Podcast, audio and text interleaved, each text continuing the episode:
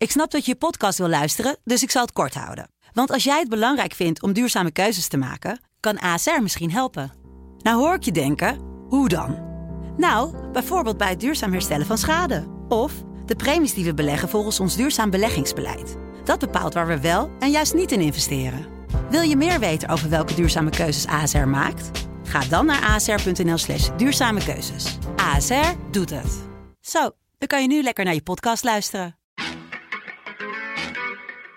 Dit is, dit is het land van Wierde. Uit naam van Allah kunnen ze de hele Bataclan overhoop schieten, bij wijze van spreken. Een podcast van de Telegraaf met analyses op het nieuws die u elders niet hoort. Als ze dan de namen Arnold Karskens van uh, Ongehoord Nederland tegenkwam en die van Wiert Duk van de Telegraaf, dan stond er dus in kapitalen kennelijk met uitroepteken eruit. Ja. Dat is net alsof je vroeger uit de klas werd gezien. Met Wierduk en Kleis Jager. Dag Wiert. Het wordt erger en erger met de ongehoorzaamheid in Nederland. En we moeten het hebben over de documentaire serie De Doe-het-zelf-dictatuur van Fidan Ekis en Kees Schaap over cancelcultuur en de angst voor verkeerde meningen in de media. Uh, ja, we moeten onder andere hebben over die uh, documentaire serie, omdat daar heel veel over te doen is. En omdat wij het vaak in die podcast natuurlijk, natuurlijk hebben over cancelcultuur en de gevolgen daarvan. Je vindt het moeilijk dat je die serie uitzendt, dus je gooit mij voor de bus. En je gaat me notabene als een racist neerzetten. Ik heb nergens, nergens jou als een racist neergezet. Vind je mij racist? Nee, natuurlijk vind ik jou waarom, racist. waarom, waarom heb je dat er dan niet bij gezet in het persbericht? Wel een uh, disclaimer. Ik zit ook uh, kort in die serie in uh, aflevering 2. Waarin ik mag nadenken of van alles mag zeggen over hoe het dan is om te maken te hebben met al die oproepen om jou te cancelen in de media. En om te proberen om jouw vorm van journalistiek verdacht te maken. En dan heb ik het over mijzelf. En over pogingen om mijn stem te doen cancelen. Want dat, dat is natuurlijk al jaren gaande. Maar het interessante vooral nu aan die serie is op metaniveau, zoals het heet. Wat er rond die serie is gebeurd bij BNN-Vara. Die zouden dus eerst die serie uitzenden. Maar omdat die omroep zelf onderdeel werd ervan werd besloten door de VARA dat ze dat dan verder niet wilden. En is die serie naar die omroep van Jans Achter gegaan, naar Max. Omroep Max. Maar nu hebben, heeft een podcast um, de hand gelegd op uh, documenten Waaruit zou blijken, zou blijken, en onze columnist Roderick Velo heeft daarover geschreven in zijn column, dat de verantwoordelijke bij de VARA absoluut not amused was met een aantal mensen die dus in die serie aan het woord kwamen. Waaronder jij? Waaronder ik. en er zou dus op een op zo'n sheet zou hebben gestaan allerlei woedende aantekeningen. Zo van dit moet eruit, dit moet eruit. En als ze dan de namen Arnold Karskens van uh, Ongehoord Nederland tegenkwam en die van Wiert Duk van de Telegraaf, dan stond er dus in kapitalen kennelijk met uitroepteken eruit. Ja. dat is net alsof je vroeger uit de klas werd gezet. En jij nu eruit, jij. En uh, ja, als het niet zo enorm hilarisch was, dan wat het is dan is het natuurlijk uh, enorm uh, triest. Omdat uh, als deze omroep, die notabene in de vorm van dat haat, die haatsite Joop um, enorm intolerante mensen aan het woord laat. En uh, mensen ook uh, op die site Joop, die uh, onder andere mij ook in hun stukken verdacht maken. Als die omroep dus enigszins, zeg maar, na had gedacht over de waarde van deze documentaire en enigszins aan zelfreflectie had gedaan en deze documentaire ook had gezien als een spiegel, dan zou zo'n dame natuurlijk niet zo tekeer zijn gegaan als ze de namen van Arnold Karskens en mij had gezien. Ten meer omdat bijvoorbeeld Karskens in die documentaire hard aan de tand wordt gevoeld door Kees Schaap, de regisseur die zich ook in de documentaire mengt als een soort uh, presentator. Niet alleen Finan Ekers is de maker en presentator, maar Kees Schaap is ook nadrukkelijk in beeld en die Kees die definieert zichzelf heel nadrukkelijk als uh, VARA-meubilair. Hij heeft ook schitterende documentaires gemaakt in het verleden voor de VARA, maar ook heel, nou ja, ook wel hè, van geëngageerd tot overgeëngageerd in een, bijvoorbeeld een documentaire over Geert Wilders, waarin die Wilders wel heel nadrukkelijk in verband bracht met het nazi-denken en zo. nou ja, dan zou je als VARA denken, nou, daar zijn we toch blij mee met zo iemand, hè? Ja, maar uh, nee, oké, okay, dus niet. nee, oké, okay, Schaap is gecanceld, want die is dus oud-links en tegenwoordig moet je bij de VARA woke links zijn. Ja. En dan mag je dus andere meningen niet eens meer tonen. Dus dan mag Ja. je niet eens meer, ook al ben je kritisch, een podium geven andere meningen. Want andere meningen zijn sowieso fout en mogen niet gehoord worden. En al helemaal niet in een documentaire. Dus nu is dus de, de situatie zo dat niet alleen de, eh, de serie is gecanceld door de VARA, BNN. Maar dat ze ook nog eens een keer probeerden om eh, mij en Arnold Karskens te cancelen. En ja, dat is toch wel heel erg eh, opmerkelijk. Ook goed dat mensen dit zien, hè, hoe die omroeppolitiek dan werkt. En eh, hoe, dit, eh, dus, eh, hoe het eraan toe gaat. En hoe bang die mensen zijn eigenlijk ook. Want daar komt het natuurlijk op neer. Het is een enorme angst voor andere meningen. En hoe zijn we hier terecht gekomen? Hè? Want Roderick Velo die herinnert er ook aan dat hij daar gewerkt heeft zelf in- en alles kon. Hè? Je kon iedereen uitnodigen voor een programma, welke mening Ja. die persoon ook had. Eh, nou ja, dat is gekomen door dat identiteitsdenken natuurlijk. Dat eh, vanuit de Verenigde Staten is overkomen waaien. En eh, dat is, en waar woke dan eigenlijk de overkoepelende term voor is, eh, de social justice eh, movement. Die is volledig overgenomen door een groot deel van links, tot en met eh, D66 ook in Nederland. En die zegt dat je dus, maar daar hebben we het natuurlijk al heel vaak over gehad, dat je slachtoffers hebt en daders. En daders, die heb je niet, daar heb je niet naar te luisteren en die moeten niet aan het woord komen, die moet- moeten worden bestreden. En in die zin ben ik en iemand als Karskens voor deze mensen dus een, soort, een, een dader. Geen idee waarvan, maar een dader. En die moet je dus cancelen. En ehm, nou ja, dat is natuurlijk allemaal eh, vreselijk schrijnend. Omdat inderdaad wat Roderick Velo schrijft. Vroeger ging je gewoon met elkaar in debat. En eh, zelfs Hans Wiegel en Joop den Uyl, enorme politieke tegenstanders van, haar, van elkaar. Die gingen met elkaar vroeger in debat. En In de daarna, Rode Haan was dat. ja, Ja. bijvoorbeeld, maar ook in de Kamer natuurlijk. En die hadden hele felle debatten. En daarna dronken ze gewoon een, een biertje, weet je wel. En toen, een hele bekende scène ook van Joop den Uyl. Toen Hans Wiegel op een gegeven moment brak. Eh, omdat zijn vrouw was overleden. En toen kreeg hij, meen ik, van ja, Vermeekeren een vragen over. En toen eh, hield hij niet, eh, nou ja, dat is een beetje lelijk gezegd. Maar toen, eh, eh, eh, toen brak hij dus, Wiegel. En toen legde Den Uyl zijn arm op zijn op zijn- op zijn schouder of zoiets. In ieder geval, hij toonde medeleven. Met, hè, want Wiegel was behalve zijn politieke tegenstander voor Den Uyl natuurlijk ook gewoon een mens.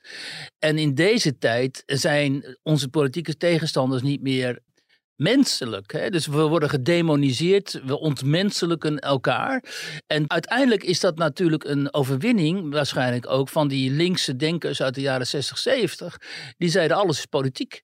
Dus jij bent een politiek wezen. In, hè? En als jij een politiek wezen bent en je hebt een andere politieke opvatting dan die mensen op links, die zo overtuigd zijn van dat zij het goede doen, ja, dan vertegenwoordig jij dus eh, het kwade. En ik moet wel zeggen, een aantal, aantal columnisten in Nederland speelt hierin natuurlijk wel een heel verderfelijke rol. Hè. Kijk, vroeger had je natuurlijk mensen als Marcel van Dam en zo, die indirect gewoon, met de, of indirect, gewoon direct de demonisering van Pim Fortuyn hebben aangejaagd. Hè. En nog een aantal andere mensen, Tom de Graaf en Paul Rozemuller. Allemaal mensen die, hè, Marcel van Dam woont op een kasteel, Rozemuller en Tom de Graaf schitterende functies in bestuurlijk Nederland en die politiek Nederland en zo. Het wordt dan ook helemaal niet, hen wordt wel van alles verweten, maar ze worden totaal niet belemmerd verder in hun gang door de instituties. Hè? Totaal niet. Deze mensen die mogen alles zeggen, ze mogen alles doen. Ze mogen anderen verdacht maken, demoniseren, in verband brengen met Hitler. En uiteindelijk zijn ze gewoon voorzitter van een van de fracties in de Eerste Kamer. Of ongeveer onderkoning van Nederland, hè, zoals Tom de Graaf. Dus die hebben al het voorbeeld gegeven in het verleden. Dat ook al speel je hier een hele kwalijke rol. Je komt ermee weg en je wordt eigenlijk door de goede gemeente op links. De links-liberale progressieve gemeente op handen gedragen. En iemand die nu dus die hele kwalijke rol op zich heeft genomen. Dat is die Sander Schimmelpenning natuurlijk. Die in de Volksstand een enorm podium heeft. Waarin, waarin die mensen permanent en ook op Twitter eh, ontmenselijkt, eh, demoniseert, ook in tv-programma's. Daarbij ook altijd mij betrekt, maar goed, het gaat in dit geval niet om mij. Maar het is een mechanisme dat je ziet dat deze poortwachters van de macht, hè, want ze hebben de macht, en ze hebben een aantal lakeien, dat zijn dan de poortwachters van die macht, en die worden ingezet en die slaan ook toe. Op het moment dat dat nodig is, als Caroline van der Plas opkomt, dan boem, dan moet Caroline van der Plas worden kapot gemaakt. Toen Thierry Baudet opkwam, moest Thierry Baudet worden kapot gemaakt. Dat is een mechanisme dat zich telkens herhaalt en telkens komt uit een nieuwe generatie schrijvers, columnisten, politici, noem maar op, auteurs, mensen bovendrijven die graag die positie eh, claimen en willen innemen, omdat zij daar natuurlijk ook van profiteren. Want kijk maar waar mensen als Rozenmuller en Tom de Graaf en zo zijn uitgekomen. En deze mensen die dat nu doen, zoals die Schimmelpenninck en zo, die zullen eh, ook uitkomen op, eh, in ieder geval, ze verdienen er heel veel geld mee, laat ik het zo zeggen. En dat maakt het voor de mensen die, die tegenmacht vormen. En die dus in die documentaire van Fidan en Kees ook aan het woord komen. Heel ingewikkeld om het risico te nemen om dat te doen. Omdat je weet waar je kunt eindigen. In extremis eindig je zoals Pim. Of iemand als die klokkenluider van de bouwfraude bijvoorbeeld. Ad Bos die in een caravan leeft. En ik ken nog wel klokkenluiders die er ernstig aan toe zijn, omdat ze de, het lef hebben gehad om misstanden aan de kaak te stellen. Of je eindigt als zo'n omzicht, die zoals je duidelijk ziet, uh, uh, van wie het uh, zenuwstelsel gewoon. Nou ja, kijk, ik kan niet over zijn gezondheid oordelen, maar Pieter staat de hele tijd onder hoogspanning. Dat zie je. Of Renske Leijten, hè, die breekt ehm, als ze slachtoffers van de toeslagenaffaire hoort. Uh, hè? Ja. Of, of iemand als Sandra Beckerman, die destijds in, die, in het debat over Groningen emotioneel wordt. Dus zitten, dit zijn mensen met veel emotie, met veel empathie vaak. De mensen die ik nu net genoemd heb, die zich inzetten voor burgers, die op basis van hun inzet verdacht worden gemaakt en tegen wie hetsers lopen om hen tot zwijgen te brengen. En dan moet je dus echt heel veel uh, rechte ruggen hebben een paar liefst, om daaraan weerstand te bieden. En dat is het goede aan die documentaire, dat zie je. Je ziet ook hoe het mechanisme functioneert, omdat uiteindelijk eh, Kees eh, Schaap zelf ook daar min of meer slachtoffer van wordt. Ik vind dat niet de sterkste aflevering, maar goed, dat is dus wel uh, in aflevering 4 uh, wat er gebeurt. En dan wordt uiteindelijk hij voelt zich gecanceld. De, en dat is de tijd waarin we leven. En um, nou ja, dat, dat zijn natuurlijk niet de prettigste ervaringen. Gaan we naar een ander voorbeeld van onverdraagzaamheid. Marcia Luiten, columniste, die zegt dat onze demografie een probleem is bij grote transities. Want ouderen stemmen vaak conservatief of reactionair en zo dreigen we geen leefbare wereld achter te laten voor onze kinderen. Als je kijkt naar de demografie, de bevolkingssamenstelling van ons uh, electoraat, hè, dat is verouderend. Mensen die uh, ouder worden, die stemmen in principe conservatief. Maar dat is wel de babyboom-generatie nu. Die, ik denk dat je kan zeggen dat er geen generatie is die langer in veiligheid en in welvaart heeft geleefd, geleefd hè, dan deze babyboom-generatie. En die stemt nu bijvoorbeeld massaal op de BBB om te behouden wat ze hebben of terug naar wat er was. Nou, en dat creëert dus eigenlijk uh, opnieuw zo'n enorm onrecht tussen generaties, vind ik. Dus ik zou ervoor willen pleiten om bijvoorbeeld jongere mensen veel meer uh, te betrekken in die democratie. Het zij ook in de vorm van burgerberaden, zodat ze mee kunnen praten en die een stem hebben die telt. Maar zelfs om het kiesrecht te verjongen naar 16 jaar. Ja, dat zei zij in uh, Buitenhof. Hè, ja. zij, zij is ook een van die poortwachters die ik net noemde. Alleen niet de agressieve versie ervan, maar de, ja. zeg maar de... Ja, een van de representanten van de opstand van de elite tegen het volk eigenlijk. Als ja, daar komt als het je het op, heel, als je het heel uh, Ja, kort formuleert. Ja, heel goed. Dat is volgens mij ook een Franse uitdrukking, of niet? Of komt uit het Franse intellectuele milieu, de opstand van ja, de het is van uh, Christophe Guilly, iemand die ik vaak gesproken heb. Maar ook Christopher Lash, Ja, die Christopher Amerikaanse socioloog, die, die heeft dat begrip uh, gemunt. Ja. En even om uit te leggen dan inderdaad, hè, die opstand van de elite, dat is de elite kids geëigd tegen het volk.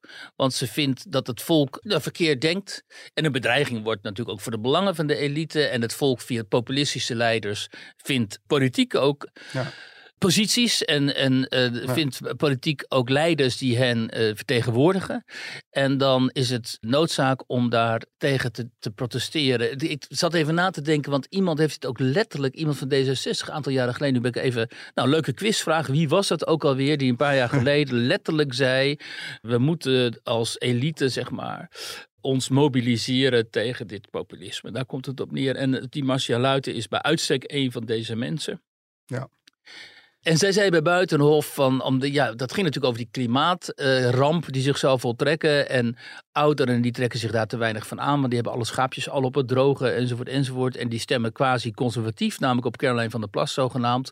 Dus moet het ehm, kiesrecht naar beneden naar 16, zodat jongeren die zich wel zorgen over maken, Ja. maken over klimaat, kunnen stemmen. Het Ja, komt er dus- eigenlijk op neer, zodat jongeren die denken zoals Marcia Luit een stemrecht krijgen. Ja, laat kinderen meestemmen en eh, de rest van de weerstand eh, wordt gladgestreken in burgerberaden. Ja, precies. Ja, ja. Dat is een beetje eh, het idee. Daar komt het op neer. En het is natuurlijk, de gedachte is natuurlijk van eh, wij gaan die kinderen kneden. En dat kunnen we ook. eh, en dat gebeurt ook op scholen en hogere scholen en universiteiten. Dus uiteindelijk is de uitkomst daarvan dat die kinderen inderdaad gewoon allemaal D66 of GroenLinks gaan stemmen. Want ze hebben sowieso ook een beetje meer idealisme en zo. Dit is dus gewoon een voorstel uit eigen belang. Puur. En ik zag dat eh, de Lange, die is van CDA in Europa, die vindt het ook een goed voorstel. Druist in tegen haar eigen partij overigens. Maar die zei in een talkshow dat ze het ook een prima voorstel vond. Een meneer van in het Europarlement van de Partij van de Arbeid, die vond het ook een prima voorstel. Dus nou ja, dit gaat natuurlijk gewoon op het moment dat BBB te groot gaat worden en zo. En een bedreiging gaat vormen voor deze gevestigde orde. Wordt dit natuurlijk echt een ding. Zodat eh, de, de, de huidige macht nou, in ieder geval een grotere pool heeft om kiezers uit eh, te recruteren. Daar komt het op neer. Ja. Fijn vooruitzicht weer. Tja. Ja, iets soortgelijks. Ehm, de reacties op die mesaanval, zoals dat tegenwoordig heet, in Annecy in Frankrijk, waarbij een Syriër instak in een park op kleine kinderen. Dus een eh, buitengewoon ernstige wandaad, waar natuurlijk veel verontwaardiging over was. Maar die richtte zich eigenlijk vrij snel op de mensen die zeggen eh, dat dat eh, mede te maken heeft met het open deurbeleid in Europa. Ja. Lijkt mij ook. En zo gaat het eigenlijk altijd. Hè? Eh, dat, eerst is, er, is, er, is iedereen geschokt, maar daarna worden mensen aangevallen die op dat verband wijzen tussen. Nou ja, wat hier aan de orde was, is dat die Syriër, voordat bekend werd wat, die, of wat zijn religieuze achtergrond was, werd al vanuit de linkse hoek natuurlijk gebruld van nu zul je zien hè, dat de islamofoben weer van zich zullen laten horen. Nou, hij, noemde zichzelf christen of hij noemt zichzelf christen. Kijk, voor, eh, het enige wat we volgens mij vooralsnog weten is dat hij verslagen gestoord is, want die vent is op kinderen, baby's in gaan steken. Dus Ja, het totaal ongepaste, Ja. ja. nou ja, het totaal ongepaste aan deze hele discussie was dat dus hier een gek, een volwassen man, instak op eh, baby's, waarvan de jongste meen ik 22 maanden of zo, en hen ernstig verwonde. Dus op het moment dat daar eh, baby's, kinderen in levensgevaar verkeerden, ontstond er een discussie over.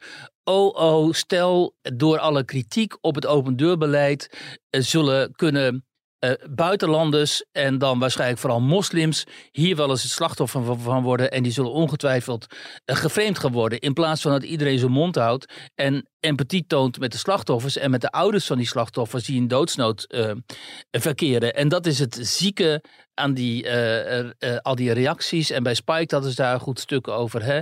Die, die schreven ook van um, dat de, Annecy, de aanval in aan, aan Annecy has exposed the moral depravity of our elites. Ik weet niet of ik depravity goed uitspreek, geloof het wel. Maar de, de morele, het, gewoon de, het morele verval van onze elites. En dat is natuurlijk iets.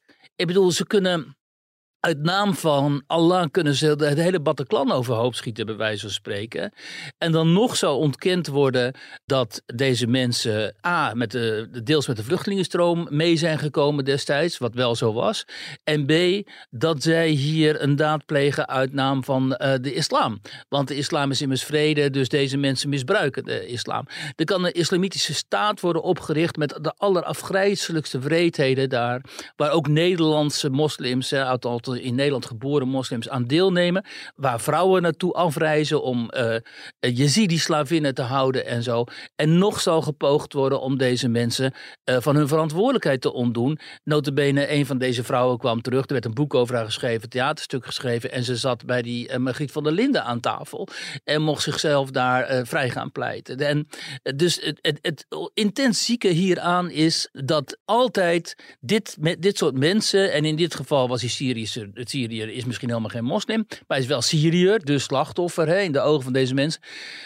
Dat er altijd gezocht zou worden naar een excuus. Ik las dus ook echt, ook in mijn tijdlijn op Twitter, mensen die zeiden: ja, wat wil je? Zo'n man komt uit een oorlog. Natuurlijk is hij in de war. En dan kunnen dit soort dingen gebeuren. Ik kreeg ook het verwijt dat ik mij wel over deze kwestie had uitgelaten. Een kwestie waarbij is ingestoken op baby's. Maar niet over een kwestie, een burenruzie in Frankrijk. Waarbij een ook kennelijk, over, kennelijk getikte Nederlander door een heg een meisje van elf doodschoot. Dus je moet je, wat totale balance is natuurlijk. Hè? Een valse eh, balans, omdat het ene totaal niet met het andere te maken heeft. En de context van die ene aanval ook een totale ander is dan die andere aanval. Maar als je al dat soort dingen moet gaan uitleggen. En uh, als we dus in een samenleving waarin de reflex van heel veel mensen zodanig is dat ze jou op die manier proberen te gaslighten, want daar komt het op neer. Ja, ja, dan is er wel heel erg veel werk te verrichten. Zeker als dit soort analyses ook nog eens een keer gewoon worden gepubliceerd in uh, gevestigde media. Zonder dat daar redacteuren zijn die denken: joh, is dit nou wel de juiste weg? En is dit nou wel de analyse die we maken? Zouden we niet moeten analyseren van hoe komt het dat deze man, een kennelijke vluchteling vanuit Zweden, naar Frankrijk is gekomen en daar op een gegeven moment zo, zodanig doordraait dat hij uh, in gaat steken op uh, kinderen in kinderwagens? Ja, dat is tamelijk hopeloos, helaas wat opvalt is de, is de onmacht. Hè? Radicaal rechts in Frankrijk zegt van uh, jullie kunnen ons niet beschermen. Hè? Jullie kunnen je eigen burgers niet beschermen. En de reactie daarop is dan altijd van ja, dat, dat, is, dat is schandelijk, want zo stigmatiseer je alle nieuwkomers. Met andere Omdat woorden, je, de staat de burgers niet kan beschermen, is dat stigmatiserend voor alle nieuwkomers? Ik bedoel, het is toch overduidelijk dat de staat in een aantal Europese landen niet in staat is om zijn burgers te beschermen. Dat is in Zweden zo met die bendeoorlogen. Het is in Frankrijk zo, in de, in de, hè, in de banlieues en met die terreuraanslagen. Het was, het was, niet bepaald de eerste mesaanval. Er is een hele lange serie inmiddels. Ja, precies. Dus dat daar kritiek is op de staat, op de overheid. En dat mensen zeggen van ja, uh, waar is. Een van de primaire taken van de overheid is bescherming van zijn eigen burgers. En als de overheid dat, daar niet toe in staat is. En als blijkt dat heel veel van dit soort aanvallen worden gepleegd door mensen die nieuwkomer zijn. Of hè, zoals in het, uh, in het geval van die leraar daar die de, de, de, hals werd afgesneden door een Tsjetsjeense jongen. Um, dat dat soort acties worden gepleegd vanuit een bepaalde ideologie. Dan heb je toch het recht om te zeggen van luister eens, dit is niet de juiste manier waarop we met onze burgers moeten omgaan. we moeten in ieder geval zorgen dat onze grenzen gesloten worden voor te veel nieuwkomers uit dat soort gebieden. Ja, weet je, je moet zo kijken. Mensen zijn zo krankzinnig naïef. En ik kom er altijd weer op terug. Ik heb zoveel in die gebieden rondgelopen. Ja, je hebt fantastische mensen. Ik heb vriendschappen gemaakt en zo. Maar dat, in dat soort culturen heerst gewoon een hele andere eh, mentaliteit. Ten eerste is het ieder voor zich. Hè? En vervolgens voor de eigen familie en vervolgens voor de eigen clan. Nou, dan houdt het ongeveer op. Mensen verwachten helemaal niks van de overheid. Staan heel wantrouwend ten opzichte van de overheid. En zien al heel snel een vijand in anderen. Zeker als die ander niet een um, islamiet is. En dan kun je zeggen, ja, in dit geval was dat niet zo. En ongetwijfeld is het misschien niet zo. Maar waarom moeten wij blij, bij blijven dragen aan via dat grote aantal mensen uit dat soort culturen die we binnenlaten, uh, aan het, uh, zeg maar, het verzwakken van de cohesie in uh, eigen landen. Daar komen we zo meteen ook op als we gaan hebben over uh, Hillersluis. Wat daar gebeurt is, die wijk in uh, ja, Rotterdam. Want, maar ja, daar was je voor in Nederland ja. deze week. heel mooi gesprek met Adrie Vermaat, oud-journalist die een prachtig boek schreef over zijn onvoorwaardelijke liefde voor Feyenoord. Waar was Wiert? Ja, in Nederland is mijn rubriek op donderdag in de Telegraaf. Een pagina, dan reis ik door het land. Maar veel mensen weten dat inmiddels wel. Adrie van Maten is een uh, oud collega, nou ja, van jou vooral bij Trouw, maar ook van, natuurlijk van mij, want hij was journalist. En uh, Adrie is opgegroeid in Hillersluis, een achterstandse arbeidswijk, volkswijk, uh, in volksbuurt eigenlijk, in de veel grotere stadsdeel Feyenoord, naast de Kuip. En hij heeft een, een mooi boek geschreven over zijn levenlange liefde, passie voor Feyenoord. En vooral voor de Kuip ook. Het heet dan Onderweg naar Feyenoord. Ik ben met hem gepraat. Ja, het leuke is dan uh, zie je dus de, het buurtje en de straat, de Donkerslootstraat, waar hij is opgegroeid en zo. En dat is inderdaad gewoon vlak naast de Kuip. Je gaat, je loopt de straat uit, je staat linksaf het uh, via stadionviaduct op en dan ben je al in de Kuip. Dus hij hoeft er maar een heel klein eindje. Of je en rechtsaf ga je naar Varkenoord, waar de Feyenoord jeugd dan uh, opgroeit en speelt. En um, hij vermengt dus het, lot van Feyenoord met het lot van die wijk. En interessant is eigenlijk wel dat, um, nou je hebt het boek ook gelezen, interessant is wel dat in de jaren tachtig, en dat was ik eigenlijk een beetje vergeten. Nou, ik was niet vergeten dat het heel slecht ging met Feyenoord. En, 6000 toeschouwers op een Maar ik wist niet dat er op een gegeven moment nog inderdaad nog maar 6, 7000 ja. toeschouwers in die Kuip zaten. Omdat de mythe is, ja, het legioen is er altijd. Hè. Het legioen is zo trouw en oh, het gebrul van het legioen is onoverwinnelijk en zo. Maar het legioen was er dus helemaal niet meer destijds. Maar maar Adrie wel. Met zijn vrouw, ook Ans. En met de echte hardcore fans. Die een enorme hekel hebben aan overigens die raddraaiers bij Feyenoord. Want dan moeten ze, hè, en die wel gewoon jaar in, jaar uit. Feyenoord niet alleen in de Kuipers zochten, maar ook afreizen naar Venlo en naar Groningen door weer en wind. Om bij die uitwedstrijden aanwezig te zijn. Hij begrijpt een schitterende anekdote heeft hij over zijn buurman, die is dan voor Sparta. En, uh, Hoe heette die familie ook alweer? Vrijdag. De familie Vrijdag. En op een gegeven moment neemt die buurman hem mee naar Eindhoven naar de wedstrijd PSV eh, Sparta. En die ouders van Adi hebben zoiets van, nou ja, moet het wel zo nou goed? Mag dan? Vreselijk weer, in het halve winter en het sneeuwt en zo. Zijn het autootje naar Eindhoven en dan zitten ze op die tribune. En ze worden zeiknat. En het is steenkoud. En het sneeuwt, weet je, natte sneeuw en zo. En hij beschrijft dat die vrijdag dus komt een onvertogen woord over zijn lippen. Hij klaagt niet over het weer. Hij klaagt niet over de wedstrijd. Ik meen dat Sparta 1-0 verliest of eh, gelijk speelt of zo. Eh, in ieder geval, het is allemaal niet helemaal hoog jouwtend en zo. En toen begreep Adrie als kind dus van, kijk, dit is het echte fan zijn. Hè? Je, dit heb je, moet je ervoor over hebben. En dit heb je ervoor over. Deze hondentrouw, eh, dat is echte liefde voor uh, de club. Nou ja, en, die heeft hij zelf ook boos op de ploeg bij, bij verlies. Hè? Nee. Altijd trouw aan, aan, aan de club en het logo. Ja, en niet aan de spelers, hè? want hij zegt van, uh, ja, die spelers, het is allemaal wel, dat interesseert me niet zo, dat zijn allemaal passanten. Het gaat mij om de Kuip en om het logo. En als het logo verkocht wordt aan Saudi-Arabiërs of zo, of aan een Amerikaanse miljardair, dan hebben we echt een, uh, een, probleem. Maar dat die, dat die spelers komen en gaan, dat, ja, dat, dat hij zegt, dat interesseert hem niet zo. Daarom heeft hij ook als de grootste Feyenoord door ooit, heeft hij dan Ernst Happel gekozen, die, die succestrainer die met Feyenoord de Europa Cup won. Ja. En wa daar, waarvan hij ook schitterende anekdote heeft, dat hij dan uh, Ernst Happel in een enorme lange bontjas tot op zijn enkels aan de, aan de zijlijn zag staan. En als hij niet aan het trainen was, dan ging hij in café het Haantje, meen ik, zat hij uh, zat Happel te kaarten. Ja. ja. Of hij werd aangehouden oh. bij de Maastunnel uh, met alcohol in zijn bloed. De ja. Oostenrijkse voetbaltrainer EH, EH stond in de krant. Is, is, is gisteravond aangehouden bij een alcoholcontrole. Ja, geweldig hè. Ja, kijk, je hebt deze mensen nodig om dit soort boeken te schrijven. Om de mythe over die clubs natuurlijk ook in, in stand te houden. Hè? Helemaal op het moment dat nu bijvoorbeeld... Ik las dat een of ander consortium, zo'n Arabisch-Saudisch uh, consortium... die gaat dan zo'n speler kopen die super duur is. En uh, ze gaan nog overleggen bij welke van de vier clubs die zij hebben, ze hem gaan plaatsen. Ja, dan is het dus gewoon, weet je, voorbij. Dan is het, het is waarschijnlijk al wel voorbij uh, qua, hè, qua die traditionele uh, clubs en zo. althans grotendeels aan de top. Maar als je dit gaat krijgen, dan dat is natuurlijk een verschrikking. En dan kun je gewoon zometeen ook teams met elkaar laten wisselen en zo. En dan maakt het allemaal niet meer uit. En dus je hebt heel erg sterk mensen aan zo'n Adi nodig. Maar ook mensen als onder de spelers, mensen als Kieprich en zo. Uh, hè, die dan... De, de, eigenlijk uit, altijd de mascotte wel is gebleven van Feyenoord. Maar ook jongens als nu Getruida en uh, Malasia, die in het Nederlands elftal spelen en die uit de wijk komen. Ja, die komen daar vandaan. ja. die komen dus letterlijk uit die wijk.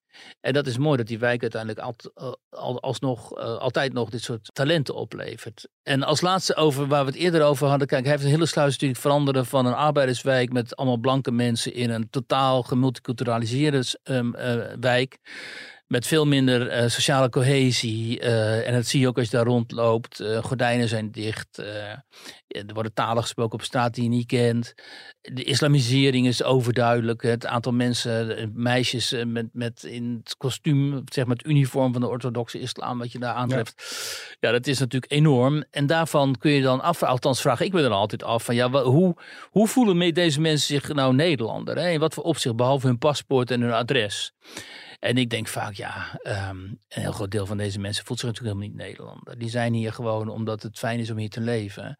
En beter dan bij in, in hun land waar ze vandaan komen. Maar hoe gaan zij zich het Nederlanderschap toe-eigenen? Nou, een Adrie is wat dat betreft nog wel een beetje zo'n linkse journalist... die dan denkt van, na een generatie of zo... zullen zij uiteindelijk ook wel zich Nederlander... of in ieder geval Rotterdammer voelen.